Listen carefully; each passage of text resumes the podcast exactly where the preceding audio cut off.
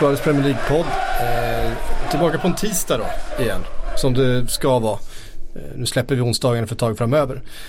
Vi, eh, vi får börja då med att eh, bara konstatera det som det skrivits mycket om idag. Emiliano Sala, eh, spelare från Nantes, eh, klar för Cardiff bara häromdagen. Ehm, det har väl bekräftats då att han fanns ombord på det här eh, privatflygplanet som helt enkelt har försvunnit någonstans över Engelska kanalen.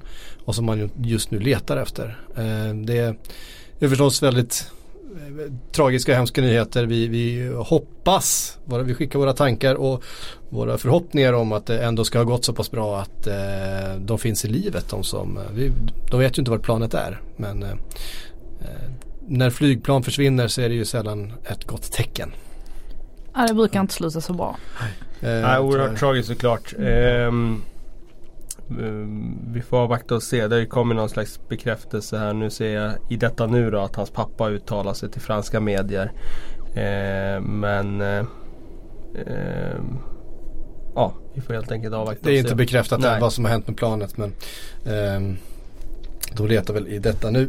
Ja, eh, tråkig eh, start på den här tisdagen på något sätt blev det ju eh, med den nyheten. Men vi släpper det, det kommer komma ut mer information om vad som har hänt eh, senare såklart. Ja, jag trodde att du, när du tog upp en sak som det har pratats mycket om så trodde jag du skulle nämna att du själv blev omnämnd på Idrottsgalan igår. Citerad på Idrottsgalan? Ja, det är oerhört märkligt. Är det här det största som har hänt i din karriär? Eh, den tröskeln är i och för sig rätt låg. Eh, om, man, om man tänker på exponeringsmässigt. Men jag, jag tänker är att det är vilket oerhört slappt manusskrivande det är när man vänder sig till min Twitter för att hitta så här pappaskämt om, eh, om Jerringpriset. Vi kanske ska sammanfatta, jag, jag, jag, känner på mig att folk som lyssnar på eh, den här podden inte kollar på, inte kollar Nej. på Idrottsgalan. Nej, det gjorde inte jag heller. Utan, det var ju ingen som ville skriva vad fan det var som hade sagts igår heller när folk började höra av sig och var så här, Ja fan nu är du stor och jag, vad pratar ni om liksom? jag har ju gått ner fem kilo, lägg av. Eh, Även, alltså det var, helt, var väldigt förvirrande allting eh, fram tills att det var någon som på något sätt kunde parafrasera vad det var som hade sagts. Eh, ja det dröjde ju ett tag även i vår konversation som vi hade. Ja för ni hade Där ville ju bara liksom, liksom påskina hur stort det var så att säga. Ja men jag blev så chockad. Jag satt ju in i, jag fick ju ofrivilligt se den här förbannade idrottsgalan eftersom att jag jobbade med den. Så jag satt i pressrummet tillsammans med alla andra journalister. Ser den här galan på storbildsskärm som man gör då i Globen. Uh, och så säger han då ditt namn i någon samma mening som något hästskämt och jag, jag blir så chockad och känner på ett sätt att jag har en del i det här. Att det är typ som att det är jag som omnämns lite, lite grann ändå. Det är absolut bara så. Jag delar gärna med mig av den här, det här pappaskämtet. Jag vill inte bära den ryggsäcken helt själv. Nej, men det var någonting om häst mot folkgrupp. Ja, jag hade väl skrivit, det var väl när han, eh, hur var det nu, vad, heter han? Alltså, det är inte Rolf-Göran Bengtsson utan det är den andra. Peder Fredriksson. Peder Fredriksson vann väl två år i rad. Mm. Eh, och då var jag sådär smålustig och skrev kan man anmäla Jerringpriset för häst mot folkgrupp. Det det, det ju... tyckte SVTs manuskrivare var det, roligt. ja, det är ju, eh, ja, det är inte, min, det är inte min, eh, min finaste stund i livet men av någon anledning så var det den som plockades upp här. Och som kan bli ditt eh, stora genombrott nu då. Ja. Ja vi får väl se. Eh, jag väntar på att eh, Telefonen ska börja ringa. Hollywood ska ringa här och, och vill jag ha fler knivskarpa analyser utav eh, samtiden på 140 tecken. Kan ju bara nämna eh, om vi ska få in lite fotboll också så Jan Andersson, årets ledare. Det var mm. inte så dumt. Nej, Nej. Eh, det kan han väl få vara. Mm. Trots förlust mot England. Ja, trots förlust mot England. Men var det inte lite, alltså jag, jag tänker så här. Eh, med tanke på vad fotboll är jämfört med alla de andra eh, marginalföreteelserna som vi kallar idrott. eh, men det är ju så här, fotboll, du har ju all, all övrig idrott och sen har du fotboll liksom. Det är på något sätt likvärdiga i, i, i vågskålen. Eh, när Sverige då går till en jävla kvartsfinal i ett VM. Eh, det borde ju, det borde ju vara, bara konkurrera ut allt annat som har hänt. Alltså ett jävla längdguld vad är, nu, okej okay, nu kommer jag få massa folk på mig. Men det är tre länder som håller på med längdskidåkning. Det är Norge, Sverige och Finland. För de övriga är det någon slags rekreationsrunda eh, som några bestämmer sig för att tävla i. För att, det finns, för att det finns, för, för att det finns liksom lite OS-platser eh, eh, och knipa. Men ungefär så. Det är bara att titta på en normal världscuphelg och topp 10-listan. Det är ju det är norska flaggor, svenska flaggor och finska flaggor på i alla fall 8 utav 10 eh, positioner. Ja, det är typ 7 mm. norska flaggor och sen är det en svensk. Du vill att svenska landslaget skulle få Jerringpriset? Är det det du säger? Nej, men jag, jag, jag, egentligen, om man ska vara riktigt ärlig, nu, nu är det preaching to the choir som det är fotbollspodd här, men jag menar det de gjorde var ju, gav ju ett så pass mycket större gensvar eh, världen över. Alltså var ju en prestation som låg Eh, Eh, på en annan nivå. Det är en helt annan typ av konkurrens. Det är en helt annan typ av sammanhang och mm. ja, alltså jag, i storleksordning. Jag, grejen är, jag hör vad du säger. Jag, jag håller ju såklart med. För jag tycker att alla andra sporter är totalt ointressanta. Det är fotboll som gäller. Men det är inte så det är skrivet. Alltså Nej, det, det är ju inte kriteriet det. för att du ska vinna priset. Och om vi nu ska ha den sortens eh, argument. Då ska ju Jonas Jerebko eh, vinna en massa priser nu också eftersom att han Absolut. dominerar eh, NBA. Som ju, alltså basket är ju mycket större än många andra sporter. Så, ja, så att det där kan man ju dra hur långt som helst. Och sen för övrigt så Svenska fotbollsförbundet är ju ett av få förbund som absolut aldrig kampanjar för att deras ledare eller lag ska vinna någonting för de har inte det behovet av att Nej, hävda sig. Plus att de har en egen gala och de har egna priser ja, och, och sådär. Jag, jag, jag, kan, jag kan nästan tycka att det kan liksom så här, vi behöver inte ha fotbollen med överhuvudtaget på Idrottsgalan utan det kan väl få vara reserverat då för Eh, ja men det är väl lite lagom då att Jan Andersson vinner årets ledare. För att det ja, han gjorde det var ju väldigt bra. Eh, det är bara en sån här sak som jag alltid stör mig på när eh, Det är samma sak som Badou Jack. Alltså att han är en av världens främsta boxare och eh, nämndes han överhuvudtaget, nu såg inte jag Han var nominerad kanske, förra året. Han var nominerad förra året, ja. Eh, han borde ju också vara där, han är ju en av alltså, Badou Jack och Jonas Jerebko är väl de två kanske mest profilerade idrottsmännen vi har Jonas lär nog vara nästa år. Det var nog lite för sent för honom. Han kom igång för sent mm. för att kunna. Eh, liksom efter Zlatan. Med tanke på det som internationellt. Skitsamma, det var inte därför vi var här. Nu dribblar vi iväg oss eh, eh, väldigt långt från eh, där, där, vi skulle vara. Arsenal-Chelsea vill jag såklart börja med. Eh, på tal om eh, ja, ingenting egentligen för nu försökte jag hitta en segway här men det var helt tomt i bakhuvudet. Men Arsenal 2, eh, Chelsea 0. Det var en matchbild som i alla fall inte jag hade förväntat mig. Det var ett slutresultat som på något sätt eh, gick emot lite det om vi skulle kunna titta på någon slags formkurva. Även om Chelsea inte har haft sin bästa period bak så har ju Arsenal verkligen famlat. Inte minst försvarsmässigt men man lyckas hålla nollan mot det här eh, ändå väldigt skickliga Sarri-laget? Ja, alltså det var ju två lag som egentligen inte hade råd att förlora för att behålla någon slags trovärdighet för vad eh, lagen är på väg någonstans inför supportrar och omgivning. Och eh, när laguppställningarna kom och jag såg att eh, Unai Emery hade förändrat lite. Fyrbackslinje, Ramsey som tia, två forwards. Då fick jag direkt känslan att eh, det här kommer eh, Arsenal i alla fall inte att förlora.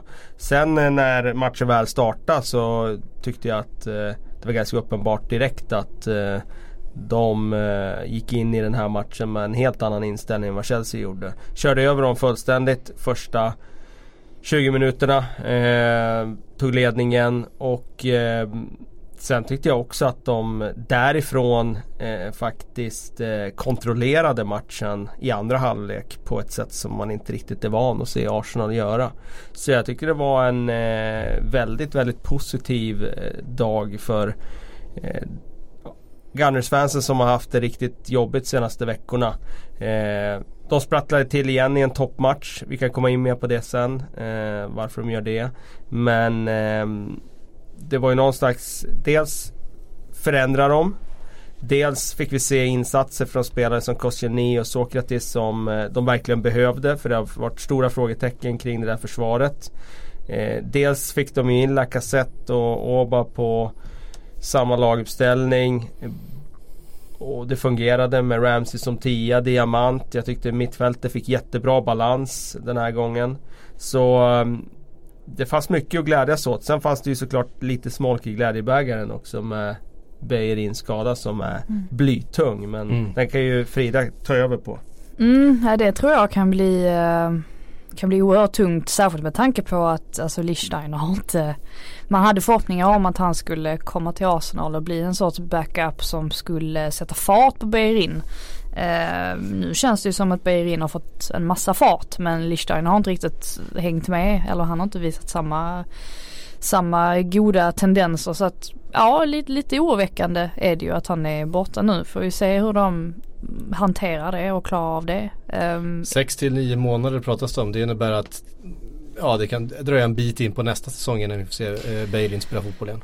Det är troligt med tanke på att det var en allvarlig knäskada. Att, eh, man brukar ju sätta man en såg det på bilderna också. frame också och sen brukar det bli lite till. Mm. Det är så ju, att, eh, jag skulle tro en bit in på hösten ja. Man eh, ryggar ju tillbaka ordentligt när en spelare går ner utan att någon rör honom. Alltså mm. det, är ju, det känns som att det oftast är värst då. Mm. Um, I övrigt så det man tar med sig främst av den här matchen är ju kanske ändå Saris utbrott får man väl ändå säga på presskonferensen efteråt. För att det var ju det var ju väldigt hårda ord eh, som säkert har legat och kokat lite någonstans. Eh, jag tror inte att man man brister, inte, man brister inte på det här sättet om det inte finns eh, alltså, direkta skäl till att göra det. Han känns ändå som att han kan eh, hålla sina känslor i schack ganska hyfsat ändå. Eh, annars. Men, nah, tror du det? Känns han så? Men han är italienare, det är väl klart ja. att han inte kan göra det till 100% Men jag, jag, tycker ändå att han känns som en resonlig person ja. så tillvida att det är ingen, det är ingen dåre på det sättet.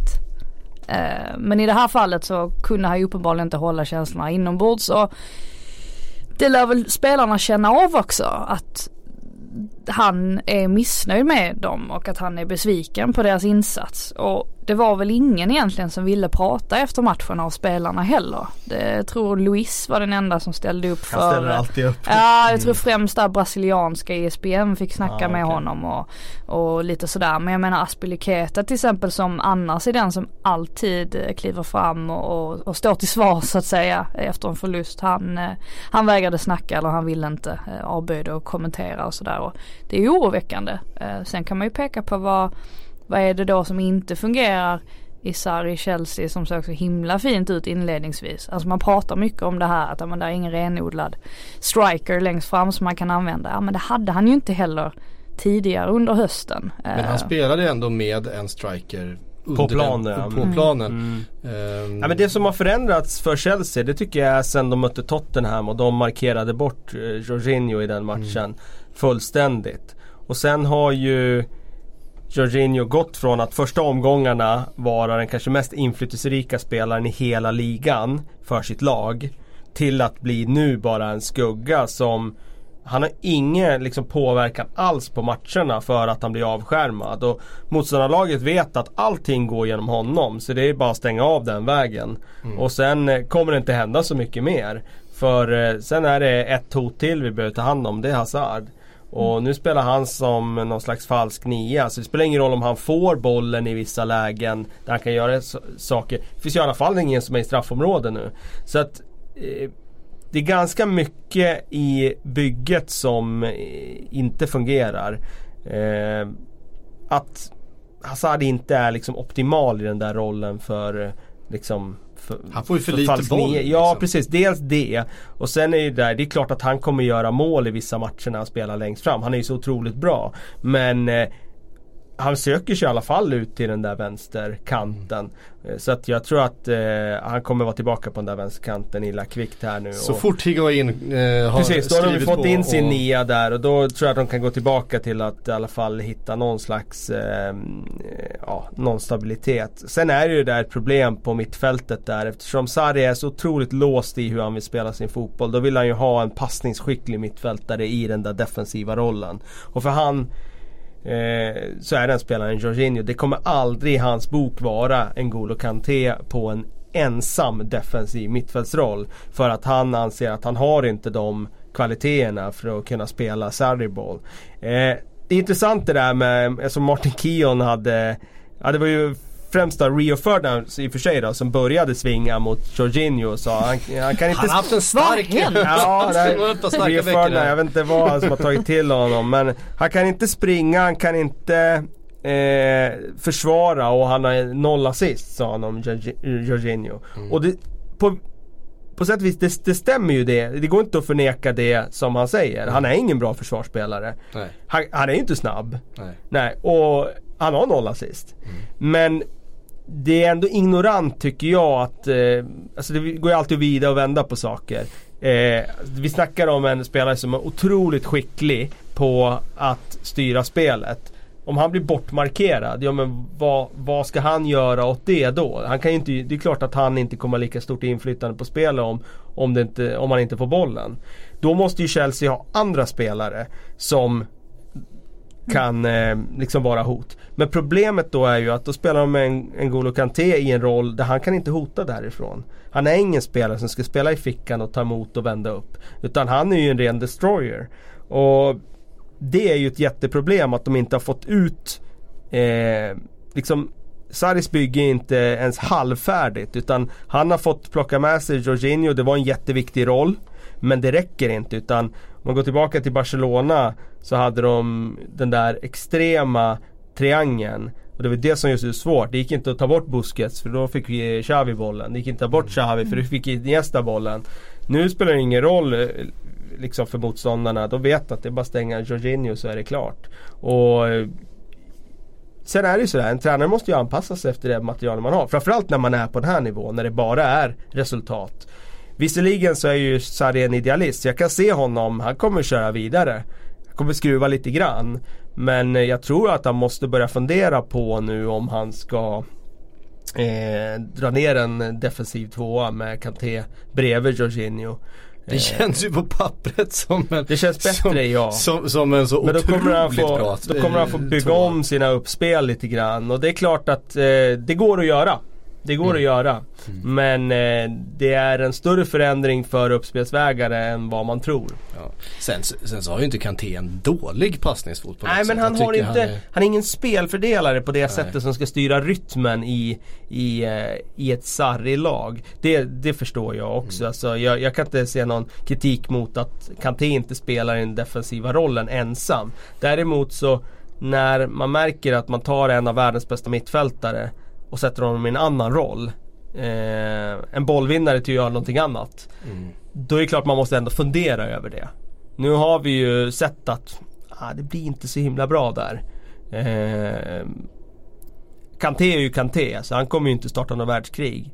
Men en annan spelare hade ju gjort det nu för jag menar Han är ju var en av de bästa i världen mm. För bara ett år sedan på det han gjorde Nu är han liksom en mittfältare som vilken som helst ja. Han hade, hade han inte varit Kanté hade han ju varit jättemissnöjd i den här mm det är ju intressant också eh, nu när Iguain ska in som ändå haft den hösten han har haft i Milan. Inte imponerat överhuvudtaget. Eh, det finns ju till och med de som, som hävdar att eh, när Napoli var som bäst när Mertens fick spela istället för Iguain till mm. exempel. Så att det är ju rätt många som inte tror att han är chosen one så att säga att han ska komma in här och göra så stor förändring. Men jag tror att det kan vara ett lite så här van Dijk syndrom här också. Att en spelare faktiskt kan förändra ganska mycket. Eh, för att säga vad man vill om Iguain men han är ju en väldigt, trots alla hans divaliteter som han alltid håller på med så har han ju ändå förmågan att göra jobbet bara han vill och trivs i en klubb och han känner Sarri väldigt, väldigt nära och skulle Chelsea bara lösa det där problemet med att ha en, en ren striker och precis som vi pratar om att sätta ut Hazard där han faktiskt trivs som bäst. Alltså jag tror att det hade löst ganska många problem ändå. Eh, så vi får väl se om den övergången går igenom och Alvar, Alvaro Morata, är han klar nu för Atletico helt eller? Det är bara väldigt, väldigt nära. Vi räknar ju med att det blir klart. Ja, Eh, Eh, så han försvinner ju. Ehm, så jag tror att, för det var liksom inte bara det är inte bara det att det var vissa grejer som inte klaffade ut på planen. Jag tyckte även att, alltså i dueller och sådär att de var, Arsenal var, var hetare, Arsenal var hungrigare och ville mycket, mycket mer. Och det är ju ett lag då som, alltså Chelsea har ju hamnat någonstans där man kanske inte riktigt tror på sig själv. Att man har gett upp upp på förhand. Så då behövs det någon som kommer in, alltså någon riktig vinnare som kan ändra på hela den där mentaliteten. Precis som van Dijk gjorde i Liverpool. Mm. Um, Men det är ju ja, intressant ja. också med, alltså jag har ju liksom slagit fast det några gånger att det gick ju för bra i början. Hade, jag tippade Chelsea på femte plats inför säsongen. Mm. De ligger fyra idag. Så egentligen tycker jag alltså att till material var de var i somras någonstans så är det här Ja det är i linje med vad de ska prestera. De ska inte vara bättre.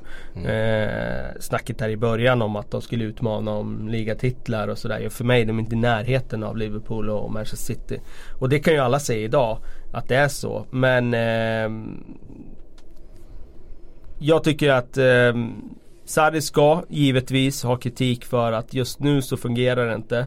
Kurvan pekar inte uppåt heller utan den pekar ganska brant neråt. Det är många spelare som inte presterar, som inte har rätt roller. Och det är klart att det är ett problem. Samtidigt så tror jag att han själv också Alltså det är klart han vet det. Han vill, ha, han vill ha spelare som funkar i hans system och då kommer de behöva värva mer. Sen är frågan om Chelsea som klubb är beredda på det. Alltså hur mycket pengar finns det för värvningar och så vidare. Det är klart det kan komma in en peng för Eden Hazard i sommar om han flyttar till Real Madrid. Men eh, ska de spela Sarri-boll så kommer eh, Sarri behöva fler spelare som kan spela hans typ av fotboll. Mm. Um, ja, eh, Abramovic verkar ju också tveksam till hur han ska fortsätta med Chelsea-projektet. Eh, minst, minst sagt. Ja, man vet ju inte riktigt det. Det är inte så att han uttalar sig varje vecka om man får Nej. en uppdatering direkt. Men det har ju viskats i England i alla fall med tanke på hans eh, problem där med pass och allt möjligt. Att mm. han inte är lika eh, hands-on längre. Kommer inte bli lättare när Brexit då eh, Kastar ut honom. ja precis. Kastar Men Neil Warner kastar ut honom ur landet. Ah, det är så han tänker. Det är väl ett antal spelare som kommer bli utkastade om, eh, om Brexit. Om det blir en hard Brexit i, i mars. Ja.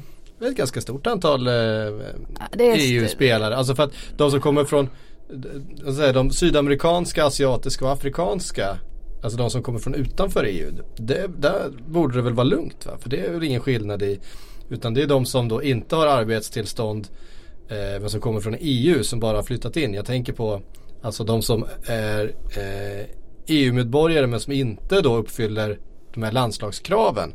Som Ja men om du är brasse till exempel och ska spela Premier League så måste du vara aktuell för ett A-landslag. Du måste ha spelat ett par A-landskamper. Alltså de har ganska tuffa sådana arbetstillståndsregler. De skulle ju eh, behöva gälla även tyskar till exempel. Du ska nog eh, säga att FA klarar av att lösa den, den, det lilla problemet. Det kommer de säkert göra. Men det kommer bli, bli stökigt i alla fall eh, inledningsvis. För ingen har ju räknat med att de ska behöva förhålla sig till en hard Brexit. Eh, skitsamma, vi måste eh, förstås hylla Arsenal eh, också. För det var en helgjuten insats. Jag känner att jag fick vatten på min diamantkvarn. Jag har tidigare eh, tyckt att det är det bästa sättet att få in två stycken eh, anfallare. Ja, vi har varit inne på det tidigare. Eh, har varit det här och, och Fick vi dessutom se Aaron Ramsey i den där nummer 10-rollen där vi också har velat se honom. Eh, och gjorde det väldigt bra. Nu kommer ju Ramsey försvinna men han eh, skickade i alla fall in ett bra argument eh, för sig själv eh, vart han än nu ska. Att det, det är ju en, en, en, skicklig fotbollsspelare i rätt roll.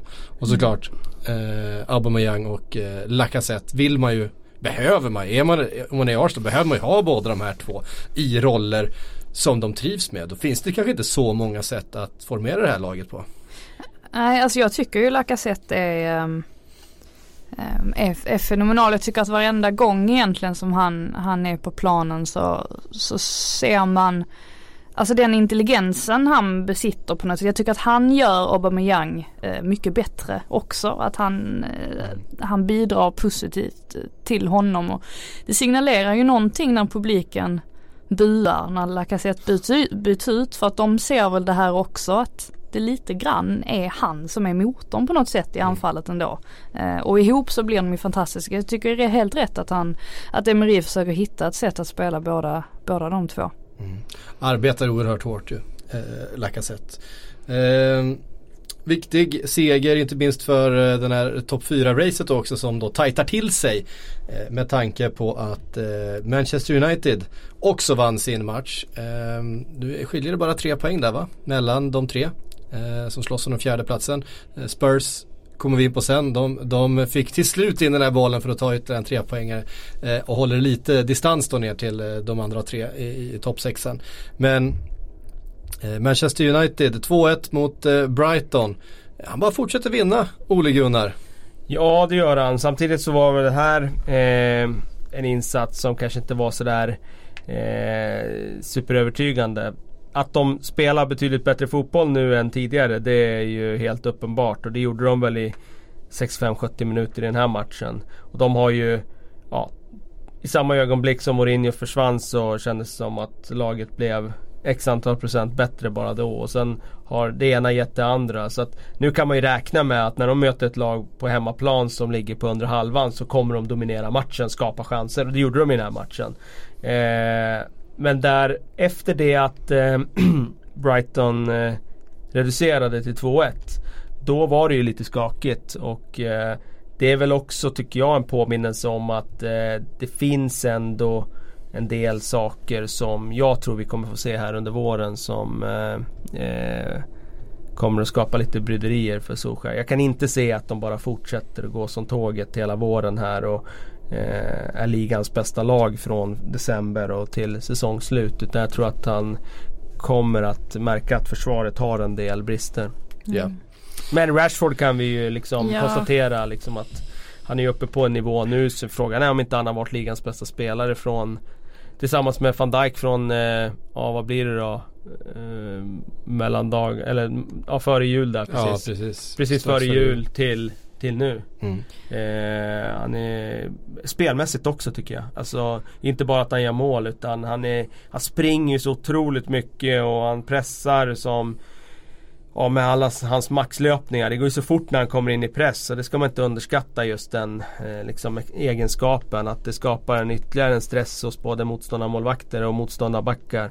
Och eh, de får ju ett hot som gör att motståndarnas backar är ju livrädda för hans snabbhet. Det gör ju att Pogba och andra spelare får ju eh, ännu mer ytor. Mm. Det var ju, eh, alltså när man tänker tillbaka, det var ju inte så länge sedan ändå han, han slog igenom. Det, där får man ju faktiskt ge cred till fan själv för det var ju han som var där då. Eh, och man minns ju fortfarande den här matchen borta mot Midtjylland var det väl. Mm. När han fick komma in. Det var väl egentligen första gången man, man fick en ordentlig så här presentation av Marcus Rashford. Mm. Men, Vad var han då, 16-17? Ja. Nej det var han inte, inte 16. Ja 17 var det i sådana fall. eller 18 var, var inte äldre än så. Uh, men tyvärr under hösten, eller stora delar av hösten så kändes det ju som att han hade tagit några steg tillbaka. Uh, och, eller inte några steg tillbaka, man hade inte lika stor inverkan på Manchester United spel som man hade haft tidigare och till och med när Zlatan var där och han tvingades ut på en kant och sådär så anpassade han sig ändå ganska så hyfsat. Uh, och nu är det ju som att han får belöning för alltså egentligen den tiden då han liksom gick med på att spela ute på en kant trots att det inte är hans eh, bästa position och han var väldigt, väldigt positiv där och han påtalade hur mycket han lärde sig. Alltså han blev en ännu bättre striker av att spela ute på kanten för att han kunde lära sig hur en, hur en ytter tänker på ett helt annat sätt.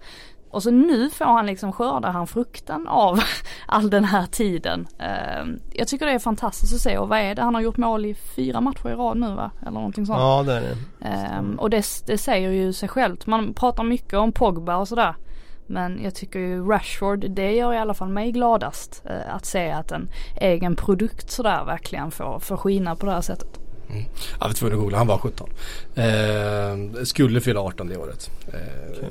Så vi, ja, ja Eh, vad var det, vad, Allardyce hade uttalat sig om eh, Rashford dessutom va? Ja, det kom i detta nu kom det att han eh, sa att eh, Rashford kommer inte ha någon lång karriär. Jag antar att, jag har inte läst artikeln, jag såg bara rubriken. Jag antar att han pratar om att han är en explosiv spelare som, som eh, givetvis kommer att eh, eh, vara ett riskfall för att dra sönder sin muskel förr eller senare. Och när man gör det så då tappar man ju lite snabbhet. Tappar man lite snabbhet när man gör det så är det klart att man kan bli en annan typ av spelare. Att man, eh, men jag, jag förstår ju vad han menar. Det är klart att explosiva spelare har ju oftare en kortare eh, karriär eh, på allra liksom högsta toppen mm. än vad en spelare som bygger på smartness. Även, sen, även sen finns det ju exempel på sådana som Ronaldo som, som ja. har kanske liksom exceptionella avslutskvaliteter liksom, kvaliteter, då kan man bli en annan typ av spelare, mm. vilket Ronaldo har blivit. Mm. Eh, och vissa klarar av det och vissa klarar inte av det.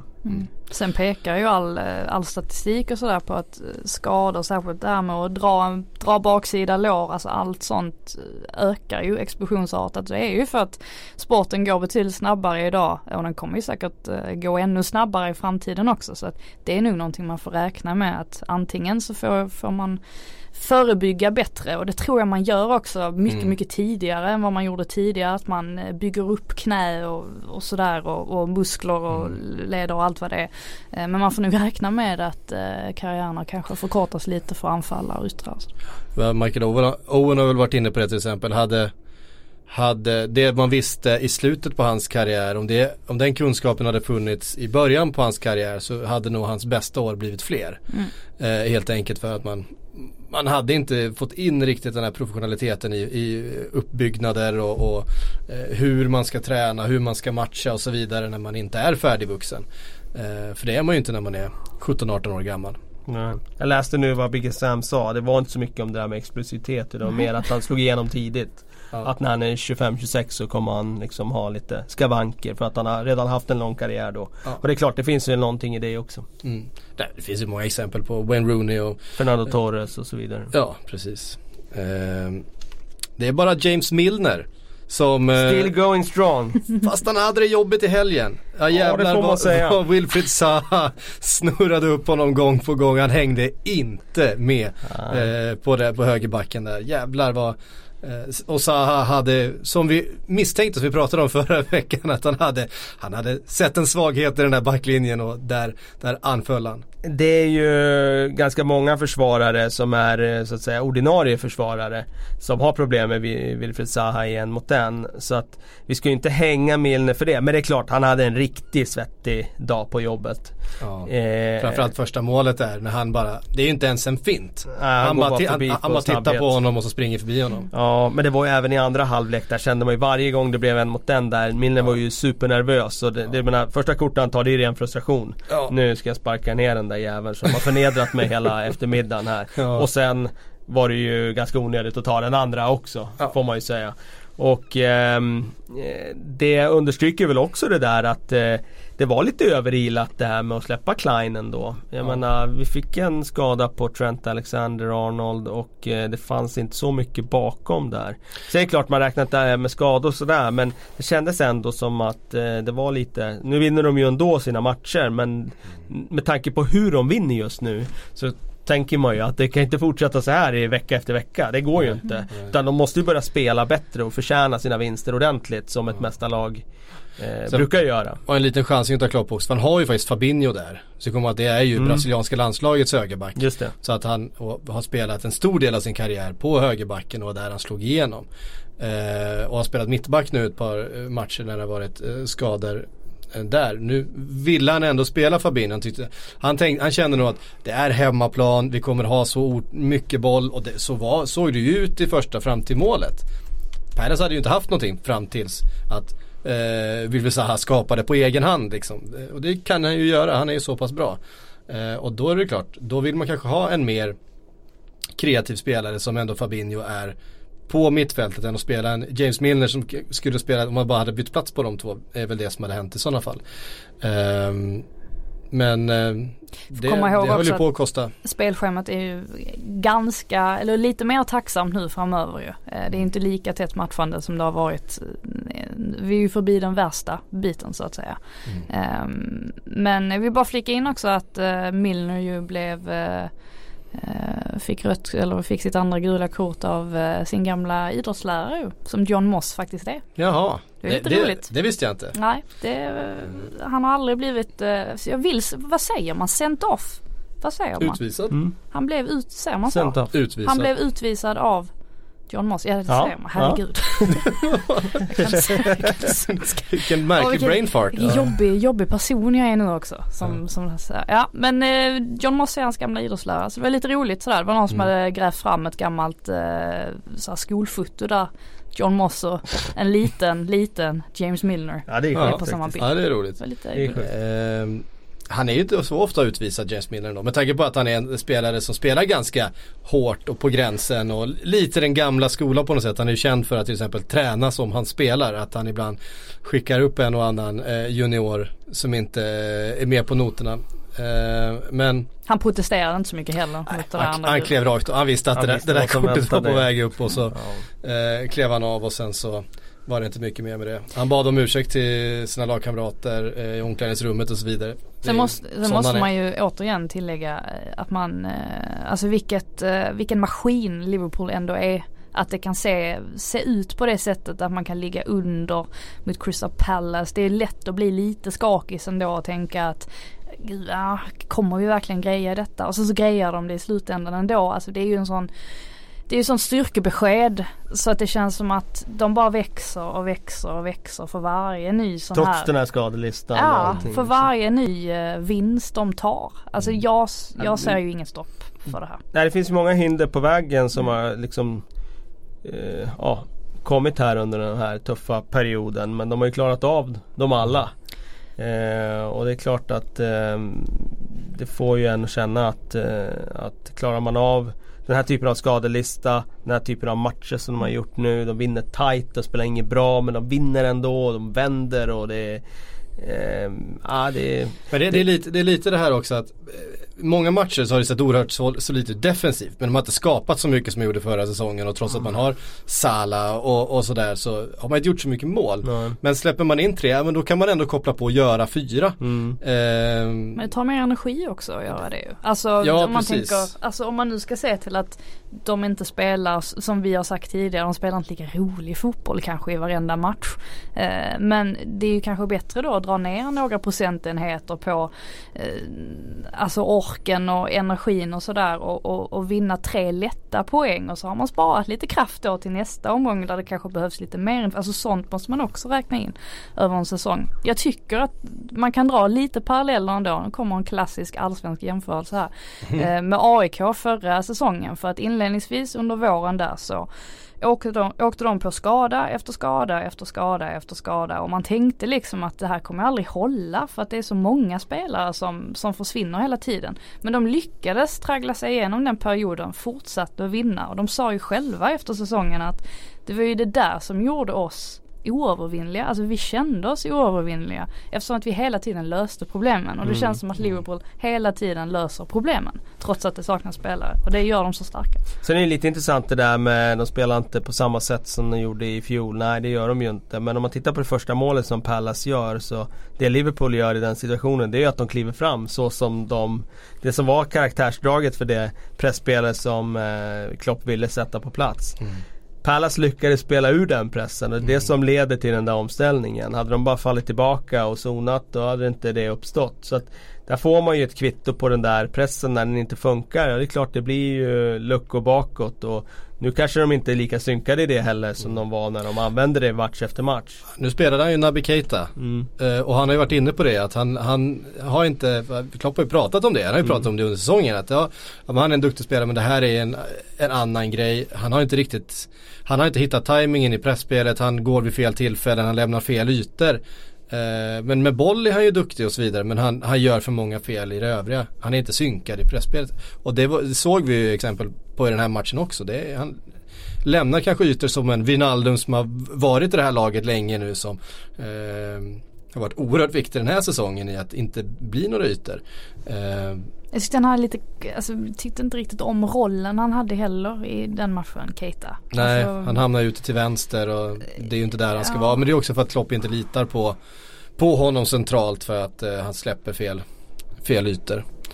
Uh, så är det ju. Nej det har varit en, eh, en eh, av, av de succévärvningarna typ som vi, om vi pratar van Dijk och så vidare så har ju eh, en halv mil, miljard för Naby Keita var det väl ungefär inte fungerat. Nej hittills inte levererat så är det ju.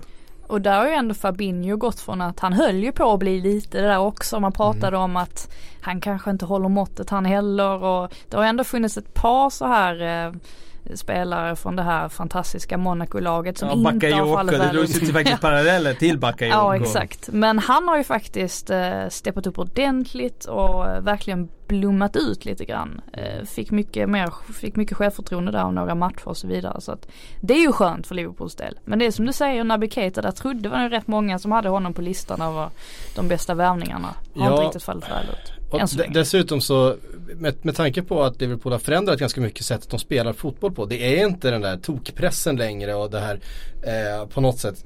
Vi ska skapa så mycket kaos på planen, så mycket andra bollar som vi ska löpa på. Så ska vi helt enkelt löpa mest och löpa bäst och vara bäst förberedda på den, den här matchbilden. I det, alltså jag tänker förra säsongen hade man bara stoppat in en Naby Keita så som han spelar, som ju är en lite kaosspelare som gärna vill röra upp bollen, vinna lite 50-50 lägen, sticka på ett tillslag, spela den framåt eh, och inte spela lika kontrollerat eh, så som de gör nu.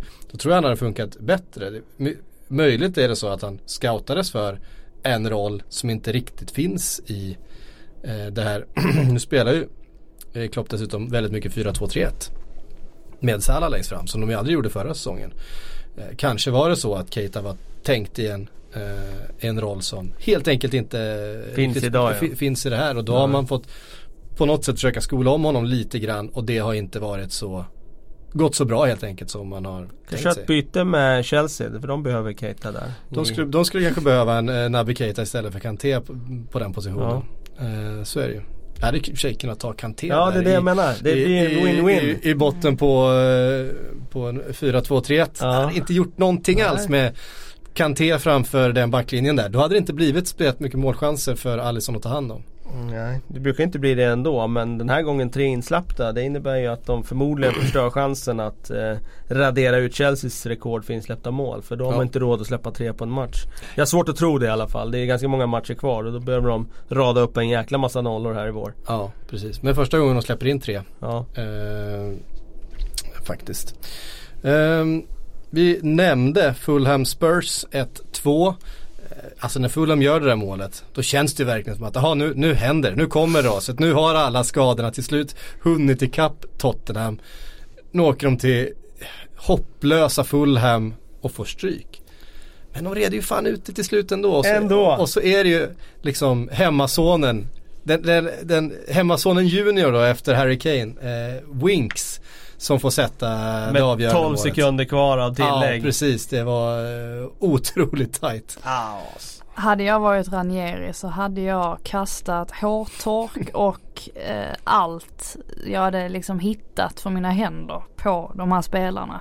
För att det, det där är ju Det där är ju misstag man inte gör och han pratade själv om att Ja men mina spelare har inte, det märks att de är ganska, eller många är ganska oerfarna. Men man tänker att sådana där grejer som att hålla i bollen de sista sekunderna, det lär man ju sig när man är när man spelar sjumanna. Alltså det är ju ingenting man, det måste man förstå att man kan inte, man kan inte ge Tottenham möjligheter för då kan de ju ta dem. Det nej jag tyckte det var lite det, var lite trist för, för Ranieris skull. Jag led lite med honom för att Fulham visade ju faktiskt oerhört goda tendenser matchen igenom. Och en sån som Ryan Babel. Eh, vi ifrågasatte ju den värvningen i förhållande till att de inte har så många defensiva spelare. Vi, Det var ju egentligen inte Ryan Babels kvalitet som vi Nej jag skulle komma till det. Att, att vi, vi var ju snarare att vi höjde Ryan Babel som spelare för Mm. att han har varit väldigt, sett väldigt fin ut i både i holländska landslaget, han har god statistik från besiktas och så vidare. Men att vi, vi tänkte att det kanske inte var vad Fulham behövde. Men ärligt talat så gjorde han ju ett eh, jäkla avtryck i den här matchen. Eh, fram tills han inte orkade längre och blev, blev utbytt. Men sen är det ju ändå så här att de torskar ändå matchen för att deras försvarare inte vet, vad, vet vad de sys- eh, sysslar med. Så att då spelar det liksom ingen roll om man har en Ryan Babel som kommer in och, och skapar en massa och, och Jo om han hade satt, jo om han hade gjort, klart, men- satt några av sina chanser där. Då hade det ju säkert blivit, då hade man säkert kunnat gå vinnande ur det här ändå trots att man har ett skakigt försvar. Men eh, nej precis som ni säger så, så räckte det inte till. Brian där på vänster wingback som är inblandad i sista målet. Han kan inte sova gott när han ser den där på video efteråt. För att det är en sån där situation som han vet ju i samma ögonblick som den bollen passerar eller liksom samma ögonblick som Winks träffar den det inlägget att, att han har gjort fel. Mm. Och det är så enkelt att se. Men han gör det inte. Och det är 10 sekunder kvar av matchen. Och de ligger i den situationen de gör. Alltså mm. du får ju inte göra den typen av koncentrationsmissar. Nej. Och han gör det ändå. Ja. Och det säger ju någonting om att de räcker inte till. Tittar man på namnen som de spelar in där ja, 3-4-3 men om vi gör det till en fembackslinje då. Då är det Christie, det är O'Doy, det är Le det är Ream och det är Brian. Nej, det är inte Premier League-klass. Det är inte konstigt att Fulham ligger där de ligger. Och så kommer att Fulham släppte in rätt mycket mål i Championship och det är i stort sett, alltså i stort de spelarna som, som släppte in mycket mål i, i Championship förra säsongen. Um... Normally being a little extra can be a bit much. But when it comes to healthcare, it pays to be extra. And United Healthcare makes it easy with Health Protector Guard fixed indemnity insurance plans. Underwritten by Golden Rule Insurance Company, they supplement your primary plan, helping you manage out of pocket costs without the usual requirements and restrictions like deductibles and enrollment periods. So when it comes to covering your medical bills, you can feel good about being a little extra. Visit uh1.com to find the Health Protector Guard plan for you. Så att det, det är inte märkligt och, och Eh, Ranieri kan inte göra så mycket åt det om han inte värvar lite andra spelare. Sessignon på bänken den här matchen. Han mm. att spela wingback istället för Brian till exempel. Ja precis. Där har väl känslan varit att han är för defensivt oskolad. jag tror inte att det eh, hade hjälpt sådär jättemycket att stoppa in Brian som vi, eh, som vi såg. Såg ju inte så speciellt defensivt skolad ut. Sen med det sagt, alltså Tottenham imponerar ju inte i den här matchen. Eh, det, det, kan man ju inte påstå. Och även om Dele Alli kliver fram där och gör det här viktiga kvitteringsmålet till slut så han var inte speciellt bra i första halvlek. Eriksen såg jag inte ens till ett tag. Alltså det var ingen eh, det, man, man, tänkte, det var inte som att man satt och tänkte att oj Tottenham förtjänar verkligen att vinna den här matchen. Det var ju snarare tvärtom att är det någon match Fulham ska vinna så är det den här. Och det är ju en liten otäck känsla med tanke på att Dele Alli nu haltade av också. Ja precis, han gjorde ju det. Uh, och så ändå säga att det är ju det eh, har ju blivit ett, ett, ett trademark för firma Eriksen Dele Alli just den här när Eriksson får bollen i det här etablerade läget och hittar Dele Alli på bortre stolpen. De måste ha tränat just på den här, alltså han vet precis när han ska gå och Eriksen vet precis vart han ska slå den och han kan ju slå den med en sån jävla millimeter eh, precision att um, så att, visst var det mot Chelsea som de gjorde två sådana mål? Stämmer, båda eh, bakom Aspiricueta på bortre ja. ytan. Mm. och det är ändå en, en ytterback, eller mittback för den delen, eh, i en trea som det väl var då. Så, som är bra på att uppfatta situationer och, och Ja, och, i och för sig så lite svagare i luftrummet då. Mm. Men, ja, inte, men Dele Alli är ju ingen bjässe heller. Men, Nej, men, men fin, bra, bra fin för offensiv spelare så har han mm. lite längd. Ja. Eh, eh, väldigt fin timing i den aktionen i alla fall. Vi har sett, sett dem göra den flera gånger Absolut. just de två spelarna. De har en förståelse. Men jag måste ändå säga att Christian Eriksen sen han kom tillbaka från skadan. Det känns inte som han riktigt har Han har inte riktigt sett ut som sig själv heller. Eh, man ser honom slå bort ganska enkla bollar emellanåt. Det såg man ju aldrig tidigare. Det var ju liksom alltid med med både liksom finess och ackuratess han, han eh, spelade sin fotboll centralt. Och nu ser det, det här var ju för sig vackert men man såg honom också slå bort en del eh, bollar som ska vara det som öppnar upp eh, och skapar lite grann av Tottenham. Han fyller år på alla hjärtans dag. Bara en sån sak. Den 14 februari. Jaha, vad, fyller han då? 20, 27. 27. 92. Ja. Eh, nej men jag, jag håller med. som fyller år den 5 februari då? Nej. Cristiano Ronaldo, Carlos Tevez, Neymar.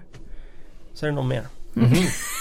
ja, bara en sån sak. En bra trojka. Ja. De men, hade kunnat göra många mål tillsammans. ja. Men Christian Eriksen, jag undrar lite vad som försiggås i hans huvud. Om det kan vara så att han börjar tänka att mm, nu fyller jag 27 trots allt mm. i februari. Vill jag göra någonting annat så är det ju dags att göra det ganska snart. Eh, det är inte helt omöjligt tror jag att han, att han har de tankarna. Han har nog också noterat att det finns ett visst spanskt intresse eh, ja, för, för, hans tjänster. Eh, och eh, även om han verkar ju trivas i Spurs, hela det här laget verkar ju trivas ganska bra tillsammans under Pochettino. Det var väl intressant, det kommer också upp Antonio Conte var på Craven Cottage. Ja, och, det kollade, och kollade matchen, såg jag någon bild på. Eh, bland publiken. Han, tog, bara han tog väldigt mycket vara- fanbilder. Ja, det det cirkulerade lite grann. Han kanske bara var där. Eller är det så att eh, håller på att krattas för en Pochettino till Real och en Antonio Conte in till Spurs då som ah, Vet man ja, aldrig. Det, det, är- det är min, min, min konspirationsteori här. Det var väl i Sillypodden jag drog den att eh, eh, det har krattats för Pochettino i Real Madrid ett tag nu när man har värvat mycket talang snarare än att man köper Galacticos. Så att man ska få in då en, en man har den här väldigt breda basen utav talang som finns i Real Madrid. Vinicius och Asensio och, och väldigt många, eh, och väldigt många fler därtill. Eh, att man ska ta in den då som kanske är bäst i hela världen på att förädla talang och det är väl Pochettino med tanke på hur han har byggt det här Tottenham-laget och egentligen bara plockat talang och byggt, gjort dem till världsspelare. Eh, det är min, min konspirationsteori i alla fall och kanske en Conte på, på läktaren kan eh, ge lite, lite näring till den teorin. Vi får se. Ehm, Huddersfield, eh, Manchester City 0-3. Huddersfield nu utan David Wagner eh, som valde att lämna. Ska vi säga det? Fick Ja men sparken. det tror jag att det var någon slags, väldigt, eh, eh, alla var överens om att det var tvunget att hända någonting. Och vad gör man då? Nej, men man gör likadant som man gör förra gången. Man tar in eh, Dortmunds eh, reservlagstränare. Eh, vad är han heter nu? nu har jag inte skrivit Jan ner. Sivert Jan Sivert, så heter det. Fast nu var det ju Mark Hudson som ledde dem mot i helgen ja. Ja, precis så var det. stackaren. Men det är ju, det är ju en parentes i historien. Eh, för nu kommer ju Jan Sivert in och ska ta över det här. Eh, vi, vi pratade lite innan om att det eventuellt är David Wagner själv som eh, ligger bakom den rekryteringen. Det känns ju som en eh, sån rekrytering som han säkert haft ett ord med i spelet. Men jag läste nu här att eh, de har ju haft ögonen på honom under ett par år. Eh, han... Eh, De tittar ingen annanstans. nej alltså de har ju vetat att David Wagner har gjort väldigt bra ifrån sig där och att det har funnits en risk för att han kommer att få något eh, annat erbjudande. Han har valt att stanna. Eh, tog dem upp i Premier League. Klarade kontrakt i första säsongen. Väldigt stark prestation måste man ju säga. Och den här säsongen har det inte riktigt funkat men de har ju varit förberedda på det här och jag måste säga det är ju imponerande som klubb att verkligen ligga i framkant på det. Istället för att ta den här brandkårs eh, utryckningen och plocka Big Sam Allardyce eh, när, det, när krislampan lyser så har man liksom legat två år här och scoutat fram en tränare som man tror på. Han var i Bochum tidigare och jobbade där som assistränare, U19-tränare och så kom han till Dortmund och var eh, ja, eh, reservlagstränare där. Det är intressant att det verkar vara en sån jäkla skola för att ta sig vidare. Du har dels David Wagner, du har dels eh, eh, Jan Sivert men du har också David Farke som är i Norwich. Som också har gått den vägen.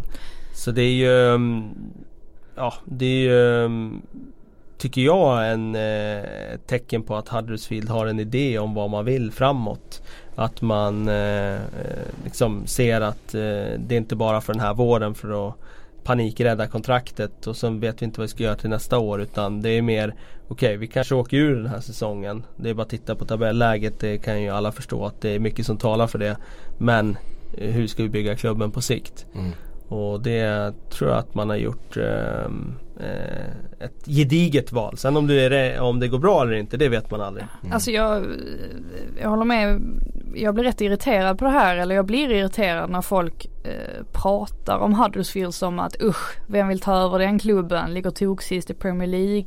Det är väl ingen normal människa eller normal tränare som vill ta över ta över det jobbet. Sen samtidigt så här har du alla möjligheter i världen ju. Att kliva in och, och verkligen försöka göra någon sorts skillnad. Eh, det är väl klart att läget ser hopplöst ut. Å andra sidan så tar det ju bort en hel del press eh, på dig. Och ta en sån som Marcus Silva. Vad var det han fick sitt sitt, sitt absoluta uppsving. Jo, Det var ju när han liksom klev in i Hull. Eh, Hade den fantastiska våren där han höll på att rädda kvar dem.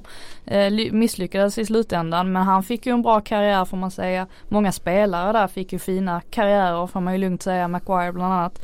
Så att det där tycker jag är, det är så himla konstigt argument att det skulle vara dödsdömt redan från början. Ja, jag, jag, jag tror på att Huddersfield fortfarande kan rädda säsongen i den månen, precis som vi säger, att de kan eh, bygga någonting på, på lång sikt eller att man alltså se till att man får ut någonting av, av, mm. av den här våren. Definitivt. Sen tror jag inte att de kommer klara sig kvar. Men gör de det, ja då är det ju fantastiskt. Alltså, Bara 36 år gammal. Eh, började sin tränarkarriär i fjärde ligan i Tyskland. Ja, och där fick ja. han sparken från det jobbet. Ja, 83 alltså. 82. 82. Eh, Får du ångest nu? Lite. Jag blev omnämnd på Idrottsgalan, det har inte ja, han blivit. precis. Exakt. Han, han, har, han har ett år på sig. Nej, exakt. Uh, ja, men man måste ändå säga, alltså Huddersfield nu då, de har 10 poäng upp till, eh, till säker mark. De har alltså tagit 11 poäng så här långt den här säsongen att de skulle ta att de ens skulle ta 10 poäng på de återstående, eh, vad blir det, 15 matcherna efter att ha tagit 11 på 23. Ja, då, det är ju en rejäl uppräkning som ska till då, men så, det innebär ju att Newcastle i så fall ska förlora resten av alla sina matcher kvar på säsongen. Det kommer de inte göra. Eh, jag skulle jag skulle sätta hus och hem på att eh, Huddersfield är, är i Championship nästa säsong. Det, ja. eh. Vi får säga också Hudson, han, han valde ju verkligen att försöka göra ett avtryck med den, under den matchen som han, han fick då, den enda matchen. När han liksom byter ut eh, halva startelvan, sätter dem på bänken och kastar in ett gäng andra. Eh, vi får väl se eh, om de spelarna får fortsatt förtroende. Jag tror inte det. Eh, även om de stod upp rätt så ja, bra ändå. det tycker jag också att de eh, gjorde. Men, men det räckte ju inte till. nej. Till slut så alltså var klasskillnaden lite för stor. Ja, och det är ju ett Manchester City som, som känner att de kommer vinna den där matchen till slut ändå. De har ett, ett, ett, ett tidigt mål genom, genom Danilo. Eh, tänker att det här reder nog ut sig och det gjorde det också. Mm. Såklart. Eh, men vi får se då ifall det kan bli en Hasenhüttel-effekt. När Jan Sivert kommer in för Southampton. De vinner igen. 2-1 mot Everton. Eh, Ward Prowse Eh, sen var det väl självmål då på, Ding, ja. på fantasy-tipset. Ja det kändes kan jag säga. förra, förra veckan. Eh, Lukas Ding. Ja det, det, det sved nog i, många fantasy-lag. Fantasy Men Ralf är ju ett geni, eller? Ja, han har ju fått fart på det här. På det här laget. Eh, vi eh, nu har ju Southampton då klättrat ifrån den där eh, positionen på nedflyttningsplats. Eh, visserligen är det väldigt tajt där. Det är många lag eh, som det handlar om. Om vi räknar bort Huddersfield och kanske i viss mån Fulham som har 14 poäng så är det då Cardiff på 19 och sen är det Newcastle 21, Burnley, Southampton och Crystal Palace som alla ligger på 22 poäng. Så att det är ju eh, för ett Cardiff till exempel och kanske också för, för Fulham så känns det som att ja, men ett par segrar så kan man ha kontakt. Eh, det eh, har ju, eh, för det såg ju så mörkt ut för, för Southampton när Hasselhüttel kom. Och nu är man uppe på säker mark och nu är väl absolut känslan att eh, de kommer med fart och de kommer lämna det här sorgliga bottenträsket bakom sig här de eh, närmsta omgångarna. Ja, de har lite med råd nu. De är så nöjda med försvaret nu de har råd att låna ut Wesley Hutt nu. Eh, mm. Försvararen Bara en sån sak. Bednarek eh, eh, gjorde en alldeles utomordentligt bra insats i helgen. Jag har inte sett han som någon liksom bärande spelare tidigare. Men han kanske växer fram som det under våren här. Han har en del bra försvarsegenskaper. Eh, så att eh, de eh, Jag tror att de har eh, fått en del bitar på plats i och med att försvaret fungerar betydligt bättre än tidigare. Mm. Sen är det ju uppenbart när de väl får lite medvind då tenderar bollen att studsa eh, liksom sin egen väg också. Det där självmålet av Lukas Digne är ju helt sjukt. Han, liksom, det är ju ett motlägg från 20 meter. En bit mm. utanför eget straffområde är det ju. Mm. Som helt ställer Pickford såklart. För att han räknar inte med att det ska komma något liksom, avslut mot eget mål i det läget. Så det, det var ju ett otroligt turligt mål. Men eh, det ringar väl också in det faktumet att eh, man är inne i en bra trend och att eh, det liksom plötsligt bara flyter det på. Mm. Eh, på tal om bra trender. Eh, viktig sexpoängsmatch mellan eh, Newcastle och Cardiff som Newcastle mm. vann med besked. 3-0. Eh, två mål av Fabian Schär. Eh, mm. Josip Perez gjorde det tredje. Eh, viktiga poäng för Newcastle eh, i, deras, i deras jakt på ett till eh, Newcastle-kontrakt. Eller ett Newcastle-kontrakt, ett till Premier League-kontrakt.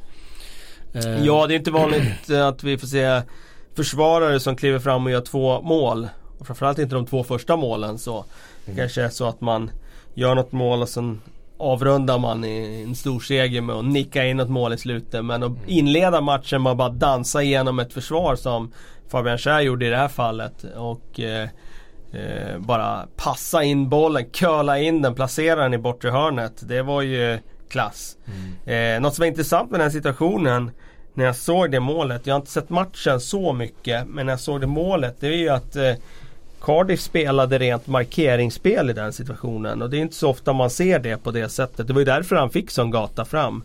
Eh, och det var därför han bara kunde trampa som mittback bara rakt igenom hela deras försvar. Det var för att de följde sina spelare. Så oerhört märkligt ut för att det är inte så ofta som sagt som man ser den typen av försvarsspel. Eh, nu har jag inte sett hela matchen så jag kan inte säga om, om de spelar så eh, utstuderat markeringsspel hela matchen men eh, har man sett eh, matchen så har man säkert eh, noterat det eller så kan man titta på det nästa helg man ser Cardiff. Mm. Den trion som ligger i botten nu, Huddersfield, Fulham, Cardiff. Kan ju bli de som åker ur. Känns det inte Absolut. lite, för nu börjar det ändå bli lite, lite mer avstånd där nere. Det är inte, mm. det är inte det är inget lika stort stim som det var för eh, bara några veckor sedan. Ja, Huddersfield känns ju väl liksom rätt avsågade. Fulham också. Fulham har ju ingen bra trend heller. Eh, det är möjligt Nej. att det kan bli en effekt för Huddersfield att de tar lite poäng nu de närmsta. Eh, när de får in Sivert. Fulham känns ju liksom, visst man har fått in Ryan Babel men, men det är ju fortfarande ett försvar som bara läcker. Ja, jag tänker liksom vem ska vara sämre än Fulham? Ja, om man tittar man där uppe. Man... Southampton har fått upp farten. Eh, Newcastle eh, tar också sina poäng. Burnley kan om de vill. Ja, Lite grann. Så. Jag, har svårt, jag har svårt att se liksom ett, ett något av de här lagen ta in så sjukt mycket poäng på ett Burnley till exempel. Eller gå så oerhört mycket bättre.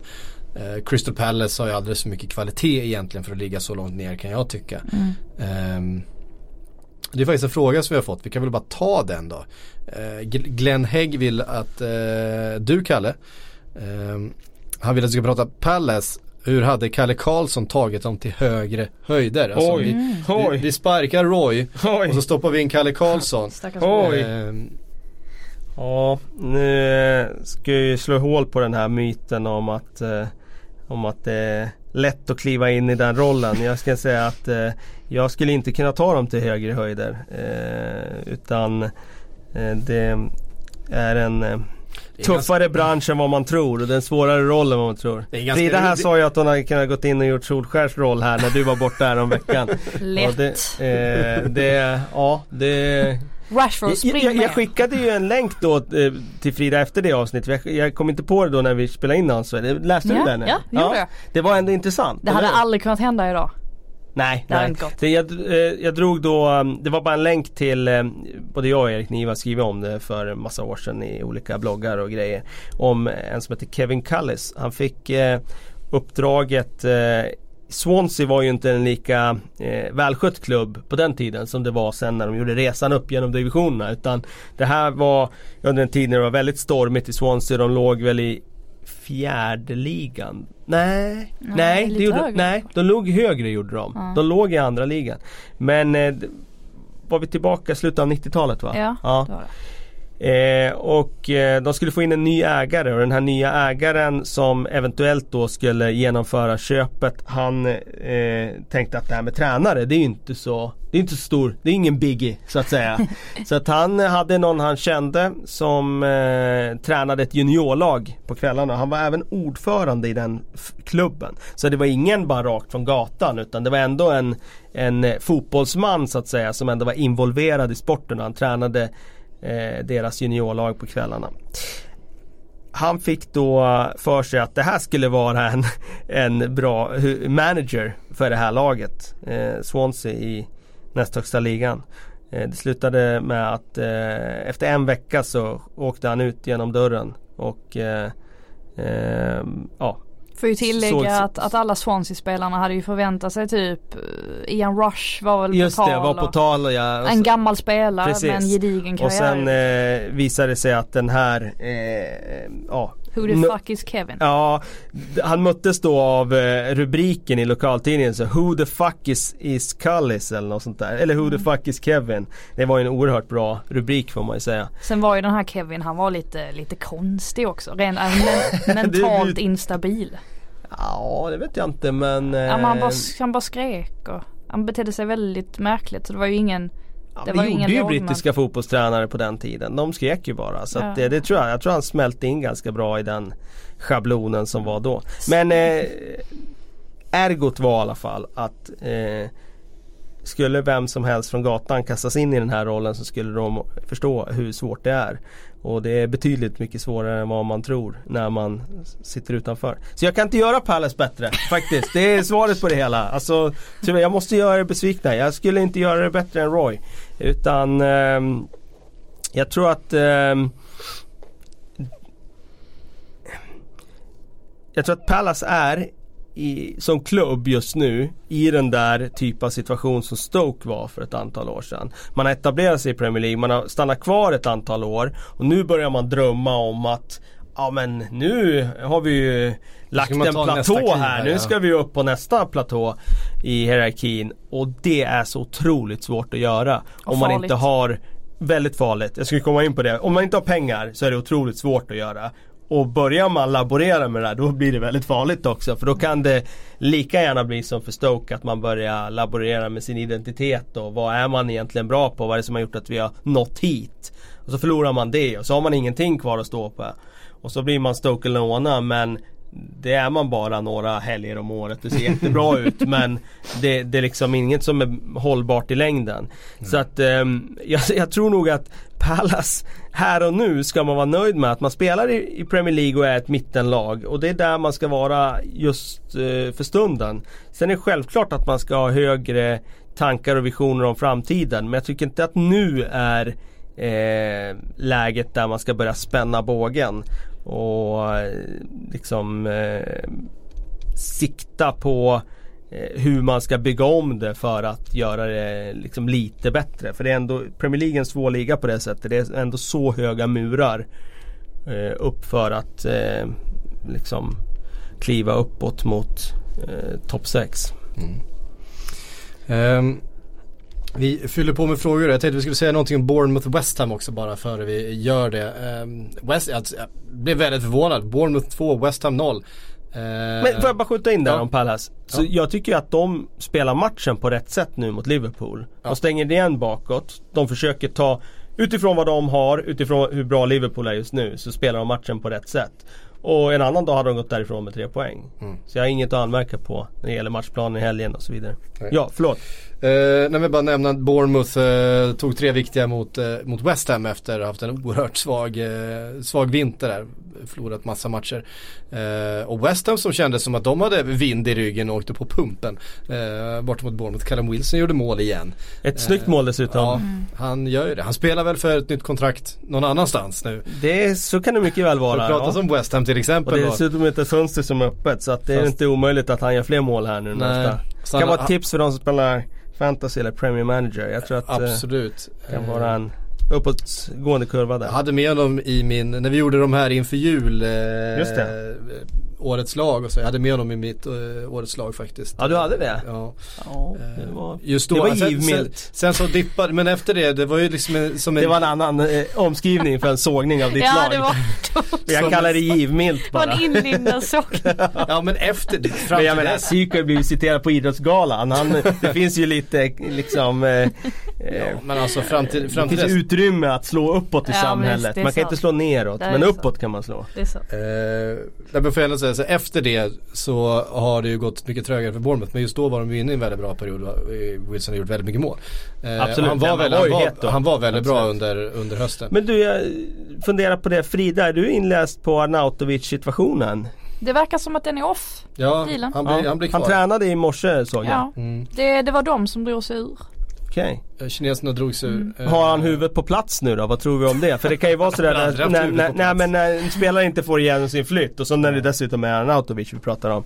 Eh, då finns det ju alltid en risk att det ett litet trauma eh, Ja. som tar ett tag innan det. Eller så bara spelar han för en ny sån där superflytt. Alltså ja och här med tanke på vilken roll han ändå har haft i West Ham, att han har haft den här ledarrollen. Så tycker jag väl inte att det borde vara jättesvårt för honom att ändå acceptera att bli kvar. Eh, det hade ju varit annorlunda om han var bortprioriterad som typ Chicharito eller alltså någon som inte, inte såg som en startspelare på det sättet. Nu borde ju människan kunna ta sig samman och herregud så mycket som han har i lön liksom. Kom igen skärp dig. Men nu känns det ju intressant för West Ham om de då kan formera en offensiv fortsatt nu då med Arnautovic, Nasri och eh, mm. Felipe Andersen. Mm. Uh, alltså då börjar vi snacka.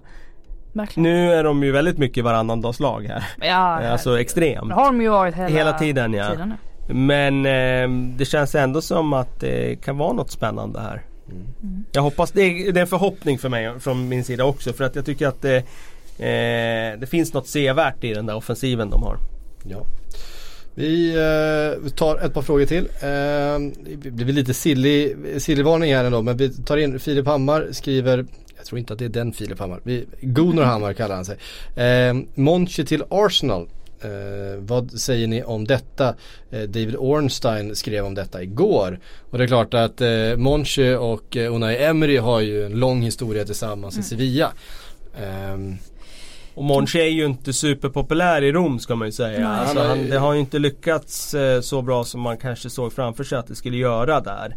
Det har varit lite hit and miss och mest miss och framförallt har han fått kritik för sina försäljningar där. Ja, alltså Salah, Salah var ju väldigt Allison billig ju... och Alisson gick, även om det var en hel del pengar ja, så det, det. Eh, det är klart det är tungt att tappa en riktigt bra målvakt.